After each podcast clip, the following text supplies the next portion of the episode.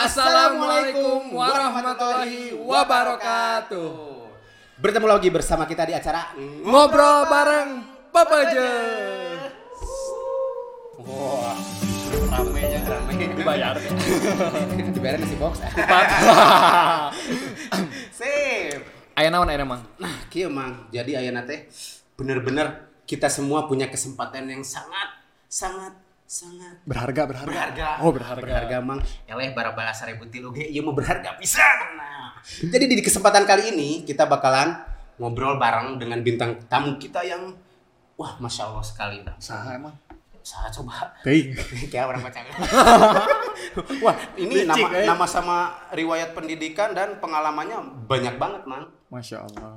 Jadi gini, nah, ini bintang tamu kita kali ini, nah, insya Allah akan dihadiri bersama Ustadz Ahmad Ali Dulatif LC Dipel. Di bang. Ah, sip. Tempat tanggal lahirnya di Tangerang, 9 November 1988. Wah, mudah banget. Seumuran Berarti- sama berarti ke- sama Aceh ya. 88 ya? 88. ah. 88 berarti 20 30. eh, 30 ya. 31 saya mah 17. Wah, 17. Antum mah seangkatan yang Bung Karno bae. Bung Karno ke 17 tahun. Bung Karno kan 17 tahun ya, balap. Tuh, pernah, pernah main PS, Bang, balap, Bang. nah, statusnya ayah dari dua putra, yaitu Muhammad Zahid Nuruddin dan Ahmad Zahir Syafiruddin. Nah, wah, duh, masya Allah, ternyata udah menikah. Jadi buat uh, Akhwat. ahwat-ahwat di sana yang masih jomblo tenang, ayah aceng. nah, ini riwayat pendidikannya, masya Allah sekali. Di MI Nurul Amin Tangerang, lanjut ke MTS Al Gautsyah Jakarta. Jakarta. MA Pesantren Modern Darul Ul- Darul Ulum Lido Bogor, S1-nya di Univers- Universitas Al Azhar Kairo Mesir. Al-Azhar, Masya Allah. Mesir teh. Mas- Mesir. jeung nagreg teh. Oh, belah dituna saya. Saya. Sekieu. Sakieu. Oh, belah Heeh. pisan. Nah, lanjut kandidat master universitas di Al Azhar. Mesir. Wah, mantap sekali Masya Allah. Gila, euy, haus. Kan melag. Minum las kedap, Jang. Tah gitu. Terus mang? Nah ini selain dari riwayat pendidikan tadi, pengalamannya wow udah cukup banyak banget nih. Pertama di Ketua Ikatan Remaja Masjid Jami Nurul Ummah Tangerang, editor buletin Gema PPMI Tanta Mesir. Apalagi ceng, ente cicing wae maca. Da eueuh catatan deui Mau mang. catatan deui ngan hiji-hijina. Oh, nepi mana bi? Namun nepi ini ya. Nah, Mesir. Nu katilu jadi ketua Pimpred Buletin Gema PPMI Tanta Mesir. Wah, terus terus lanjut. menjadi penulis buku Ummu Dunya beserta tim Ikada Mesir. Terus jadi penulis buku Aulia Iskandaria beserta tim Ikada Mesir juga. Nah, Masya Allah. Nah ini juga nih penting banget. Sanad-sanad yang didapatkan. Pertama, sanad Al-Quran Al-Karim. Kedua, kitab Al-Arba'in An-Nawawiyah hadis ya. Masya Allah. Ketiga, kitab Asy- Asy-Syamail Asya. Al-Muhammadiyah hadis.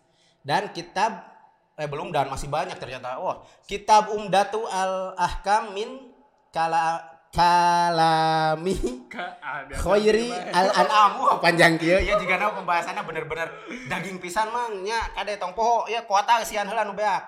Berikutnya kitab Al Asbah wa An Nazair karangan Imam Suyuti Qawaid Fikih. Dan kitab Mat Matnu Al Ghayah wa At Takrib fikih dan lain-lain. Wah masih banyak banget nggak dicantumin. Kalau misalnya dicantumin dibaca terus wah lumayan durasinya bisa nyampe ke tilu poe dua Tapi, peting kalama. kuma Kan kuma pengalamanna, wah masya Allah pisannya loh, Pak. benar bisa Terus nurek dibahas diri teh naon? Ya? eta pisan. Mending kita langsung panggilkan saja Oh, ustaznya. ya. Karena kita nggak tahu nu bahas naon. Antum apa teh Ente, Ente, oh ya udah kita panggil. Mangga silakan dipersilakan untuk Ustadz Asmat Ali Oh, Dulatif mangga.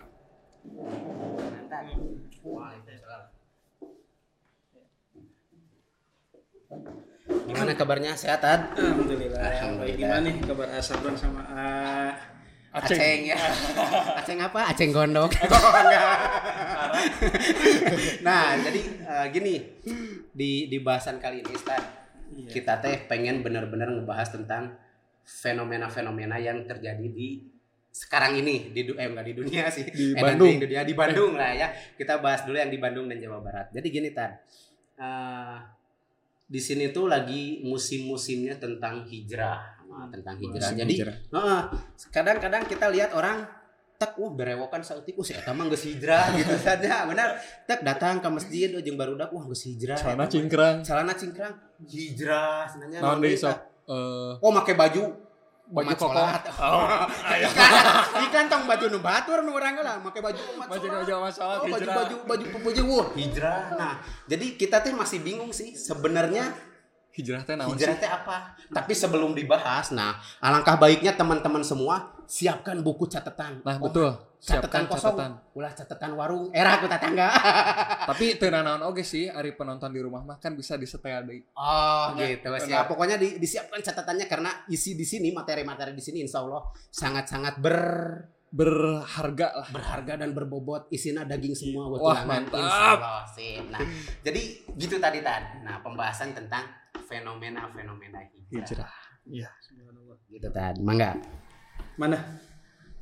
Mangga tadi mana? Oh, enggak.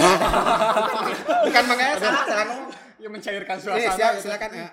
Bang Kuang Tan. Oh, Mangga silakan ya. silakan ya, mangga dipersilakan. Kirain mangga. Ya, kode-kode buat siapkan, Bro. Manajemen. Ini ya. Wassalamu ala Rasulillah wa ala alihi wa sahbihi ajma'in. Sebelumnya mau klarifikasi ya, gelar LC itu Oh iya. itu bukan singkatnya bukan lecek ya. Oh, bukan. Oh, Apa berarti itu lisens eh, Lisensi. S1 di luar negeri biasanya pakai LC. Oh. bukan lecek ya. Oh, siap, siap. Umat. Ya, pertama kita tentu memuji eh, Allah Subhanahu wa taala atas segala nikmatnya ya. Karena rasa syukur yang kita terus panjatkan kepada Allah itu nggak akan sama dengan nikmat-nikmat yang Allah berikan. Hmm. Seberapa pun rasa syukur kita gitu. Makanya ketika Nabi Dawud alaihissalam bertanya, "Ya Allah, bagaimana? Ya Allah, bagaimana rasa bagaimana caranya saya bersyukur kepada Engkau?" gitu kan. Sedangkan syukur itu adalah nikmat. Jadi kalau misalnya bersyukur dapat nikmat lagi, bersyukur lagi, bersyukur lagi. Nggak ada habisnya gitu kan. Iya, iya. Cukup dengan eh, kita paling utamanya kita mengatakan bahwa ini adalah kehendak Allah Subhanahu wa taala dan kita lemah untuk bersyukur. Maka itu hakikat dari syukur itu. Oh. Karena ketika Nabi Daud alaihissalam bilang "Eh, bagaimana eh, saya bisa bersyukur kepadamu sedangkan rasa syukur adalah sebuah, sebuah nikmat juga. Maka Allah itu berkata berfirman, sekarang engkau telah bersyukur.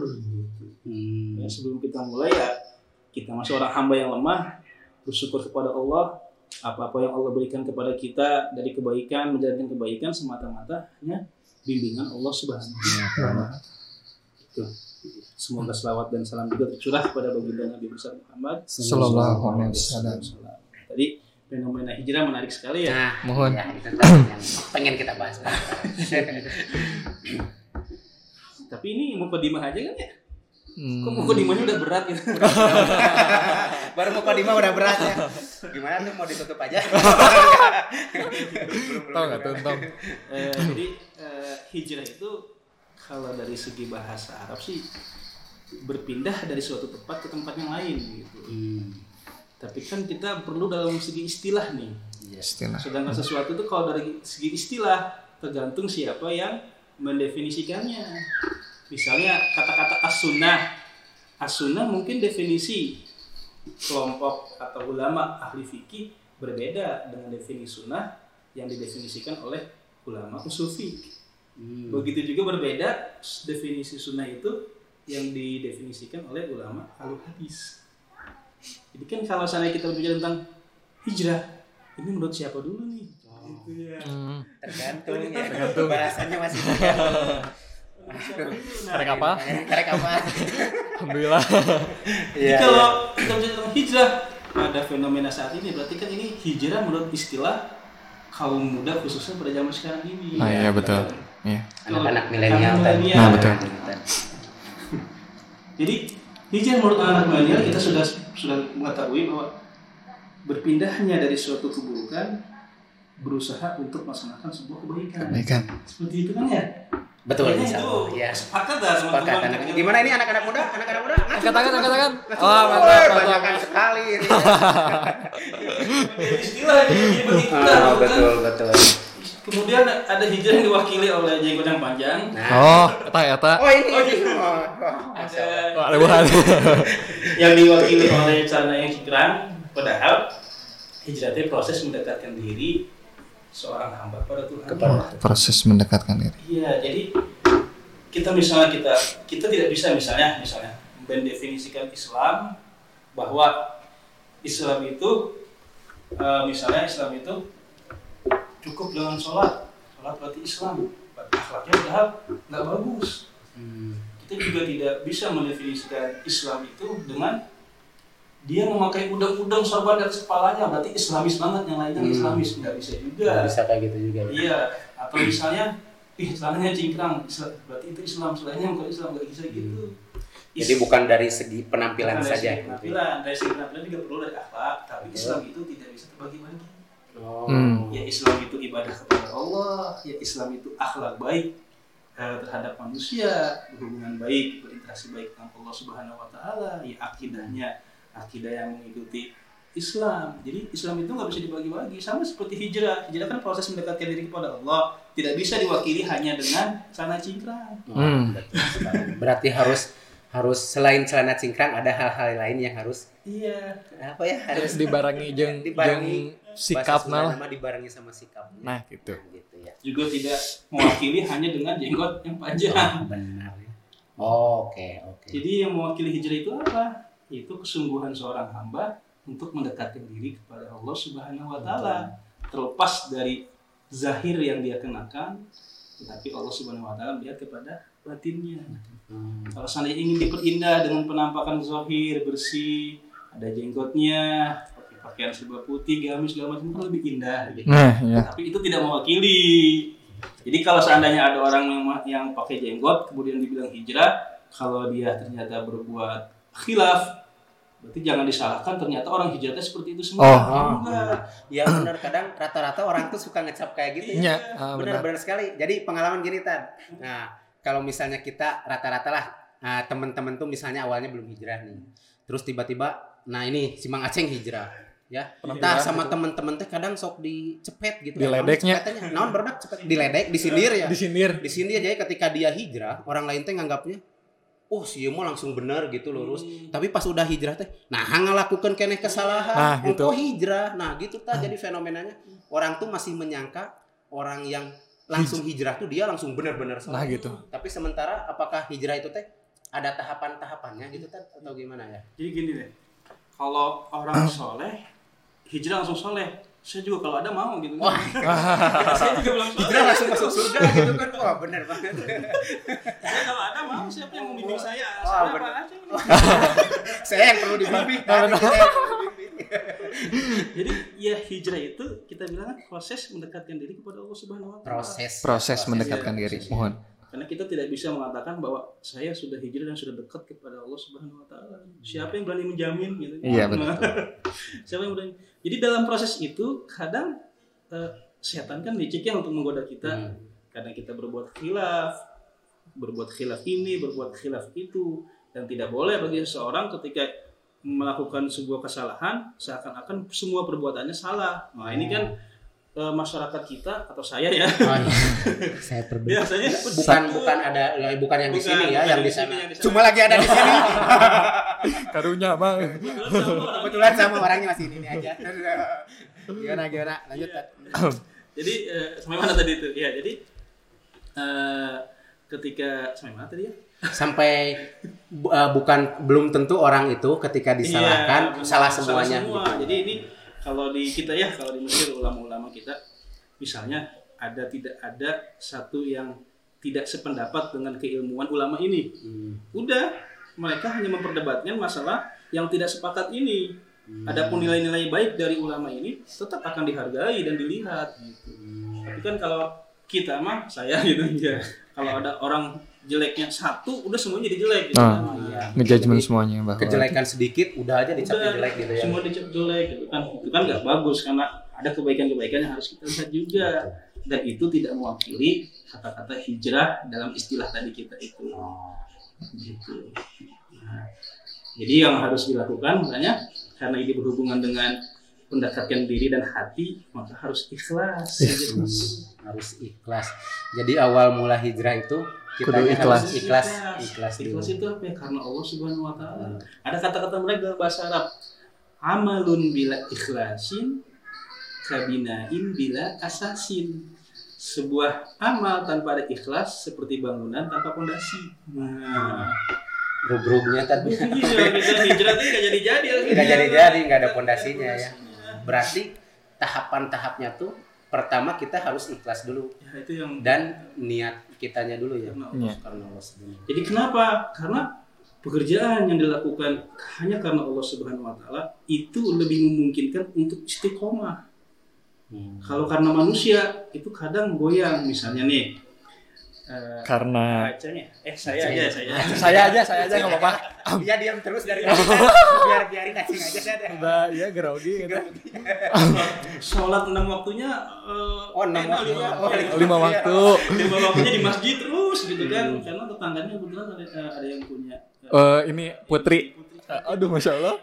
Ini beda banget. ya, tapi ketika putrinya tidak ada di rumah sholatnya Nggak jadi ke masjid. jadi masjid. Hmm. Nah, kan itu namanya nggak istiqomah. Kenapa? Karena yang dicari itu bukan Allah Subhanahu Wa Taala, tapi manusia. Tapi si Neneng Si Neneng. neneknya ada jadi rajin, neneknya Ya, nggak nggak ada jadi rajin. Sedangkan kalau niat kita hanya karena Allah, ayo mau ngapain lagi? Ah iya. Allah kan selalu ada. Selalu ada. Kalau kita berbuat, Allah teh melihat. Kita berbicara, Allah mendengar. Tersirat dalam hati kita apa pun, Allah maha mengetahui. Ah, ya mau mau mana lagi tuh? Hmm. kan kalau karena karena si putri mah ah, enggak putrinya enggak ada enggak ke masjid Ah tahu udah, nggak? weh. Nggak tahu. Iya. Kalau si putrinya nikah sama yang lain, ah makin nggak ke Wah, masjid. tidur aja, cenah. nah ini ini juga yang yang jadi poin nah Iya benar. poinnya tuh kalau dia dia hijrah bukan karena Allah karena hal seperti itu misalnya dia sholat karena si putri putri menikah lagi kan yang ada timbul kecewa Oh, betul. Orang-orang Iya, berharap yang kemanusiaan. hijrah, yang berharap keridoan manusia yang berharap ingin manusia sanjung yang ikut-ikut tren ketika tidak dapat dari manusia maka dia hijrahnya akan kecewa Ya, bukan karena Allah intinya mah berarti lurus ke niat Luruskan karena niat Allah. dulu ya. Ya, sanes karena si Neneng. Deh, ya. Aduh, Itu ya ya.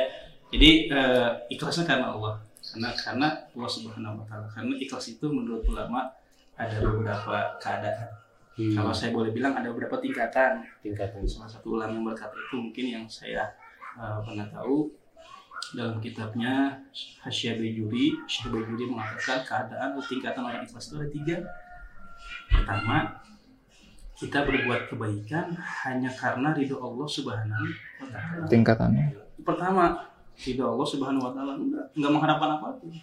Yang kedua, berbuat baik untuk mengharapkan surga dan dijauhi dari neraka.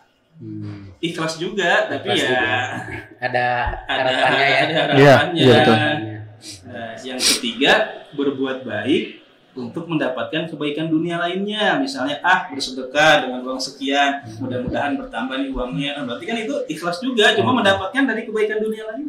Beda-beda. Nah, yang kita mau itu hijrah kita mudah-mudahan ikhlas hanya karena Allah Subhanahu wa taala. Ah, Amin. Kalau Allah ridho itu subhanallah hijrah kita akan nyaman, akan mendapat bimbingan dari Allah Subhanahu wa taala.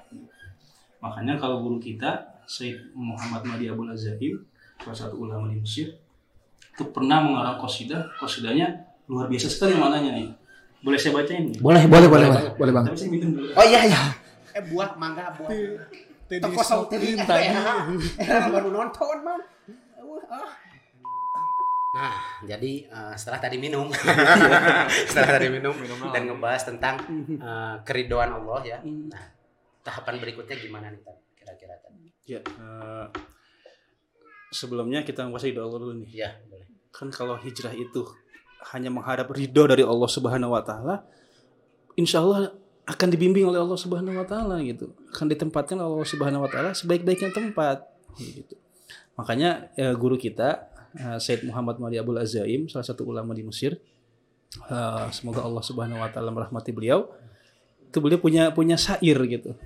Kata beliau teh, Narul jahimi ma'aridho hiya jannati wa amman na'imu bi ghairihi la argobu. Artinya kalaupun saya masuk neraka tetapi dengan ridho Allah Subhanahu wa taala itu akan menjadi surga bagi saya.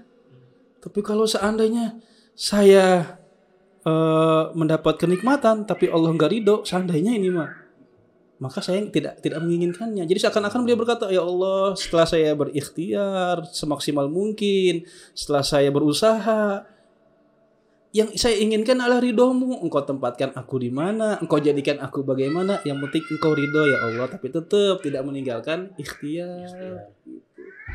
Jadi seperti itulah ulama-ulama kita menghadap ridho Allah Subhanahu wa taala. Sampai-sampai walaupun dimasukin ke neraka pun, Kalaupun kalaupun gitu. Allah ridho, Hmm, tetap mengikutinya gitu. Iya, tetap itu surga pun. Tetap itu surga. Kalaupun, tapi kan mah ridho mah ya pasti Iya, insya Allah ditempatkan di Ditempatkan tempat yang yang yang terbaik. terbaik ya, masya Allah. Ya. Nah, itu ikhlas. Jadi ikhlas karena Allah kan mendapat ridhonya dan ikhlas ini kan nggak bisa didefinisikan ya. Iya, iya. Mungkin kita ambil satu satu, satu kisah nih. Maksudnya kan uh, Ceceng ya, Aceng. Aceng, Asabron. Iya. Kenal sama yang namanya sahabat Khalid bin Walid. Khalid bin Walid panglima perang. Belum. Kasih tahu dulu. Ada banyak-banyak banget yang harus di- ditulis Iya. kayaknya ini. Kita sama-sama nggak tahu nanya siapa. penonton penonton tahu tahu. Wah ada ada yang tahu. ada yang tahu. Jangan urang atuh bro ya geus mulai ya nggak gebek ditanya gitu. Ya gimana lanjutan. Khalid bin Walid ini sahabat Rasulullah yang dijuluki Saifullah al-Maslul, pedang Allah yang terhunus. Setiap duel menang, ekspedisi beliau taklukkan. Jadi itu nggak pernah kalah. Gak pernah kalah. Pas pada zaman Khalifah Sayyidah Umar radhiyallahu anhum, sahabat Khalid bin Walid, Walid dicopot dari jabatannya sebagai panglima. Iya. Ini heran ini orang-orang kenapa kok dicopot gitu kan? Padahal Padahal nggak pernah kalah. nggak pernah kalah terbaik. Mm. Apa kata Sayyidina Umar? Khalid bin Walid telah banyak dipuji oleh manusia. Saya takut nanti ada rasa sombong dalam dirinya. Jadi sahabat Umar ingin menjaga Khalid bin Walid radhiyallahu anhum agar tetap ikhlas di jalan Allah. Takut jabatan ini mengganggu hatinya. Jadi kan sekarang panglimanya udah copot. Dia sekarang eh, berjuang sebagai tentara biasa. Ada orang yang bicara, Wahai Khalid, engkau diangkat oleh Rasulullah sebagai panglima dijuluki Saifullah al-Maslul, pedang Allah yang terhunus. Kemudian kamu sekarang menjadi tentara biasa diturunkan pangkatnya oleh Sayyidina Umar. Apakah kamu akan diam saja? Apa kata Sayyidina Khalid bin Walid? Saya berjihad berperang untuk Tuhan Umar, bukan untuk Umar. Saya teh berjihad untuk Allah Subhanahu wa taala Tuhan Umar, bukan untuk Umar. Ini ikhlas teh di situ. Ikhlas. Yang hilang bukan bukan jabatan biasa ya, panglima para syuhada, panglima calon para syuhada, tapi ikhlas Kalau ikhlas tuh ah, ya jadi Allah, jadi ah, ke hatinya eh, teh. susah kan diungkapkan? Susah Iya itu ikhlas. Saya bingung ngomong apa ya. Oh benar. Iya, ya, itu ikhlas gitu kan. Subhanallah. Nah, itu ya kisah ikhlas. Ya hijrah harus ada asasnya yaitu ikhlas. Dan apa yang perlu kita eh, lakukan setelah hijrah ini? Nah, itu Nah, tadi penting banget. Jadi setelah ikhlas itu, Hmm. kira-kira tahapan berikutnya Selanjutnya. kita tuh harus gimana tadi? Nah, jadi kita tunggu ya nanti. Wah. Waduh. Tanggung gitu Tunggu ya. ya, Pak. Ustadznya yang diundang deh. Iya, iya. Wah, benar benar benar. Karunya tadi tuh banyak yang nggak ada kuota. Biar saya bisa minum lagi. di Oh iya, minum minum dulu. minum dulu. Buah mana tuh dia? Mangga, mangga. Wah, penonton ayah, penonton ayah. Mantap. Nah, jadi ya kesimpulannya, Ceng. Ternyata benar-benar bikin kita penasaran. Dan ternyata hijrah itu posisinya emang gak langsung Gak nggak langsung jadi soleh, ya. Kalau soleh, Ustadz juga mau ya hijrah ke jalur yang mana. Nah, ternyata hijrah itu banyak sekali tahapan-tahapannya. Dan ini baru dibahas satu tentang niatnya ikhlas aja dulu, ya. Tentang keikhlasan dulu dan niat hijrah itu karena ridho Allah Subhanahu Wa Taala. Berikutnya ada apa lagi nih? Wah, ada ini kecek Ustadznya atau ayeuna. Jadi siap-siap di pekan berikutnya mungkin kita bakalan eh, sambung lagi bahasan Boleh, ini ya tadi ya. iya. Ah, sambung lagi tadi eh, bahasan ini dan jangan lupa beli dulu kuota, buku catatannya kosongin. Tong dipinuhan ku bon. Omat ya. nah, mangga kalau gitu ditutup dulu aja untuk Iya. sementara tadi ya. kita tutup Eh, jadi seperti itu ikhlas itu semoga kita semua karena eh, kalau kalau guru kita mengajarkan untuk menyebut diri kita al fakir. Karena al fakir itu orang yang butuh pada Allah Subhanahu Wa Taala ya. Maksudnya al fakir ilallah bukan al fakir ilal mal butuh Oh. kepada Allah bukan butuh kepada harta. Oh iya iya. jadi segitu ya. Mudah-mudahan kita semua termasuk al fakir bisa hijrah terus istiqomah dalam berbuat kebaikan. Gitu. Ya, sekian. Bila itu hidayah. Assalamualaikum warahmatullahi wabarakatuh. Waalaikumsalam warahmatullahi wabarakatuh. Nah, ya berarti kita tunggu ya Ceng ya di episode dua. berikutnya ya. episode selanjutnya Epi, tong nuka dua bro. Gua nuka sebriji. Gua nuka sebriji. ya oke siap kita tutup. Jangan lupa pantengin terus nih ya. Pantengin terus kita di acara Ngobrol bareng Pepeje.